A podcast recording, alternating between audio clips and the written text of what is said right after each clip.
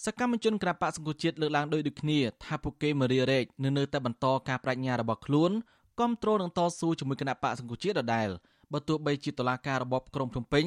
កាត់ទោសពួកគេឲ្យជាប់ពន្ធនាគារក៏ដោយយុវជនគណបកសង្គមជាតិខេត្តកំពង់ចាមលោករិនរតរៀបរាប់ថាលោកពំភ័យខ្លាចចំពោះគណបកកណ្ដាលអំណាចបើទោះបីជាតឡាការកាត់ទោសលោកឲ្យជាប់ពន្ធនាគារដូចមេដឹកនាំគណបកប្រឆាំងក៏ដោយ លោកបន្តថាលោកហ៊ុនសែនកំពុងភ័យខ្លាចហើយបរាជ័យនៅក្នុងការបំបាក់សម្លេងបកប្រឆាំងបើទោះបីជាប្រើកលល្បិចដើម្បីបំផន់ផ្នែកពលរដ្ឋគម្រាមកំហែងបំបែកបំបាក់កម្លាំងរបស់គណៈបកសង្គមជាតិឲ្យងាកទៅគ្រប់គ្រងខ្លួនវិញក៏ដោយ។ សូមឲ្យរដ្ឋាភិបាលជួយរកដំណោះស្រាយជូនប្រជាពលរដ្ឋផងព្រោះអីប្រជាពលរដ្ឋខ្មែរយើងឥឡូវហ្នឹងគឺពិបាកមែនទែនហើយដោយសារតែវិបត្តិកូវីដនិងវិបត្តិសេដ្ឋកិច្ចតាក់ទងនឹងវិបត្តិនយោបាយត្រូវអន្តរជាតិនឹងដាក់សម្ពាធពីខាងក្រៅមកហ្នឹងធ្វើឲ្យប្រជាពលរដ្ឋយ៉ាប់រស់នៅអញ្ចឹងសូមឲ្យរដ្ឋាភិបាលជួយរកដំណោះស្រាយបិទបញ្ចប់នយោបាយរវាងបកកណ្ដាលអំណាចនិងបកប្រឆាំងឲ្យបានឆាប់រហ័សដើម្បីស្ដារសេដ្ឋកិច្ចជាតិឡើងវិញរីឯក្រុមប្រឹក្សាឃុំសង្កាត់របស់គណៈបកសង្គមជាតិខេត្តត្បូងឃ្មុំលោកស្រីយ៉ែមវ៉ាន់ណែត លើកឡើងថាលោកស្រីមិនខ្វល់ចំពោះការកាត់ទោសមេដឹកនាំបកប្រឆាំងដល់របបក្រុងភ្នំពេញនោះទេព្រោះលោកស្រីយល់ថាតុលាការមិនឯករាជ្យនឹងធ្វើឡើងតាមការបញ្ជារបស់បកកណ្ដាលអំណាចតែប៉ុណ្ណោះលោកស្រីបន្តថាការកាត់ទោសមេដឹកនាំបកប្រឆាំងនៅក្នុងពេលមានវិបត្តិ COVID-19 នេះគឺជារឿងតក់ក្រហល់និងខុសប្រក្រតីលោកស្រីថាលោកហ៊ុនសែនហាក់ព្យាយាមបំបិទសម្លេងបកប្រឆាំងដើម្បីងាយស្រួលក្នុងការផ្ទេរអំណាចឲ្យកូនប្រុសច្បងរបស់ខ្លួនគឺលោកហ៊ុនម៉ាណែត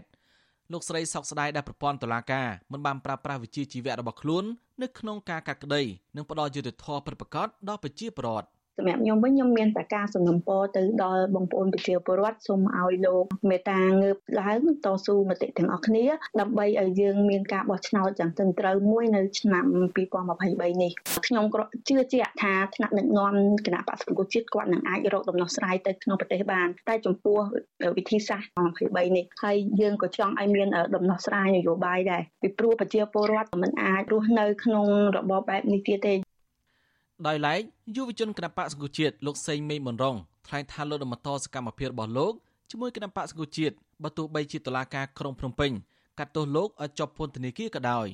លោកបន្តថាការតក់ក្រហល់ក្នុងការកាត់ទោសសកម្មជននៅថ្នាក់ដឹកនាំគណបកសង្គមជាតិឲ្យជាប់ពន្ធនាគារនេះគឺសបញ្ជាក់ឲ្យឃើញថាលោកហ៊ុនសែនកំពុងតែខ្លាយអត្តពលរបស់គណបកសង្គមជាតិដែលនាំឲ្យមានការផ្លាស់ប្ដូរនាពេលខាងមុខ។ ចំពោះខ្ញុំដោយសារការដាក់បន្ទុកឬមួយក៏ការកាត់ទោសនេះគឺខ្ញុំអត់មានការភ័យខ្លាចទេព្រោះយើងធ្វើដើម្បីលទ្ធិប្រជាធិបតេយ្យហើយរបបភ្នំភ្នំពេញដោយសារគាត់មានទំនោរមកពីបកកុម្មុយនីសឬមួយក៏គាត់មានគំនិតបែបផ្ដាច់ការអីជាដើមទៅគាត់ធ្វើទុកបុកម្នេញទៅលើអ្នកប្រជាធិបតេយ្យប៉ុន្តែអ្នកបតេយ្យដូចជាគណៈបាសគ្រូជាតិគឺអត់ខ្លាចទេយើងមើល3ឆ្នាំដែលគណៈបាសគ្រូជាតិអត់មាននៅក្នុងប្រទេសយើងធ្វើការនៅក្រៅក៏គណៈបកការអំណាចនៅតែខ្លាចនៅតែធ្វើទុកបុកម្នេញមិនថាទាំងអ្នកនៅក្រៅប្រទេសមិនថាទាំងអ្នកនៅប្រទេសនេះគឺបង្ហាញឲ្យឃើញថាអ្វីដែលជាសកម្មភាពរបស់យើងនឹងគឺវាមានឥទ្ធិពលទៅលើជនបដិការធ្វើឲ្យជនបដិការនៅមិនស្ងប់ទេ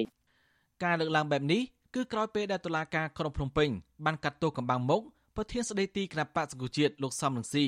ឲ្យជាប់ពន្ធនាគាររយៈពេល25ឆ្នាំនិងមន្ត្រីជាន់ខ្ពស់គណៈបកសង្គមជាតិ8រូបផ្សេងទៀតឲ្យជាប់ពន្ធនាគារពី20ឆ្នាំទៅ22ឆ្នាំតុលាការក៏បានដកហូតសិទ្ធិរបស់មន្ត្រីជាន់ខ្ពស់ទៅនេះមិនឲ្យបោះឆ្នោតនិងឈោះឈ្មោះឲ្យប្រជាពលរដ្ឋបោះឆ្នោតឲ្យឡើយ តុលាការក្រុងភ្នំពេញបានចោទប្រកាន់លោកសំរងស៊ីពីបទឧបឃាតពាក់ព័ន្ធទៅនឹងការប៉ុនប៉ងធ្វើរដ្ឋប្រហារផ្ដួលរំលំរដ្ឋាភិបាលនៅក្នុងគម្រោងវិលចូលប្រទេសកម្ពុជាវិញកាលពីថ្ងៃទី9ខែវិច្ឆិកាឆ្នាំ2019ចំណែកឯមន្ត្រីជាន់ខ្ពស់គណៈបក្សសង្គមជាតិ8នាក់ផ្សេងទៀតតុលាការចាប់ប្រកាន់ពីបទឧបឃាតពាក់ព័ន្ធទៅនឹងគម្រោងផ្ដួលរំលំរដ្ឋាភិបាលដែលបទចោតនេះដូចគ្នាទៅនឹងបទចោតជាមួយលោកសំនឹងស៊ីដែរមន្ត្រីជាន់ខ្ពស់ទាំងនេះរួមមានលោកអេងឆៃអៀងអ្នកស្រីមូសុខួរលោកអ៊ូចន្ទរិត លោកលងរីលោកនូរំដួល លោកហូវ៉ាន់លោកម៉ែនសុថាវរិន និងអ្នកស្រីជូឡុងស៊ូម៉ារ៉ាភ្លាមភ្លាមក្រោយការកាត់ទោសនេះស្ថានទូតអាមេរិកប្រចាំកម្ពុជាបានបង្ហាញការសោកស្ដាយចំពោះការផ្ដន់ទោសថ្នាក់ដឹកនាំគណបក្សសង្គមជាតិទាំង9នាក់ដែលពួកគេខ្លះក៏ជាពលរដ្ឋអាមេរិកផងដែរស្ថានទូតគូបញ្ជាក់ថាការផ្ដន់ទោសនេះគឺជាផ្នែកមួយនៃការកាត់ទោសទ្រង់ទ្រាយធំជាបន្តបន្ទាប់ទៅលើអ្នកគ្រប់គ្រងបកប្រឆាំង និងសកម្មជនសង្គមស៊ីវិលដែលធ្វើឡើងដោយខ្វះមូលដ្ឋានច្បាប់សហរដ្ឋអាមេរិកជំរុញឲ្យរដ្ឋាភិបាលកម្ពុជាបើកលំហនយោបាយឡើងវិញនិងគោរពសិទ្ធិសេរីភាពពលរដ្ឋស្របតាមរដ្ឋធម្មនុញ្ញកម្ពុជារីឯសហភាពអឺរ៉ុបវិញជាថ្មីម្ដងទៀតជំរុញឲ្យរដ្ឋាភិបាលលោកហ៊ុនសែនងាកមកសម្របសម្រួលនយោបាយនិងផ្សះផ្សាជាតិឡើងវិញកង្វល់ស្តៀងគ្នានេះក៏ត្រូវបានឯកអគ្គរដ្ឋទូតអូស្ត្រាលីប្រចាំកម្ពុជាលើកឡើងផងដែរ ទោះបីជាយ៉ាងណាអ្នកនាំពាក្យគណៈបកប្រជាជនកម្ពុជាលោកសុកអេសានកន្លងមកធ្លាប់បានបដិសេធចំពោះការលើកឡើង ដែលថាកម្ពុជាមិនមានការគោរពសិទ្ធិមនុស្សនិងលទ្ធិប្រជាធិបតេយ្យពេញលេញលោកថាចំពោះសំណុំរឿងមន្ត្រីបពប្រឆាំងគឺតុលាការបានផ្ដល់យុត្តិធម៌ត្រឹមត្រូវដល់រដ្ឋាភិបាលលោកលើកឡើងថារដ្ឋាភិបាលមិនខ្លាចចំពោះតនកម្មរបស់អន្តរជាតិនៅក្នុងការដាក់សម្ពាធឲ្យរដ្ឋាភិបាលចរចាជាមួយបពប្រឆាំងនោះឡើយ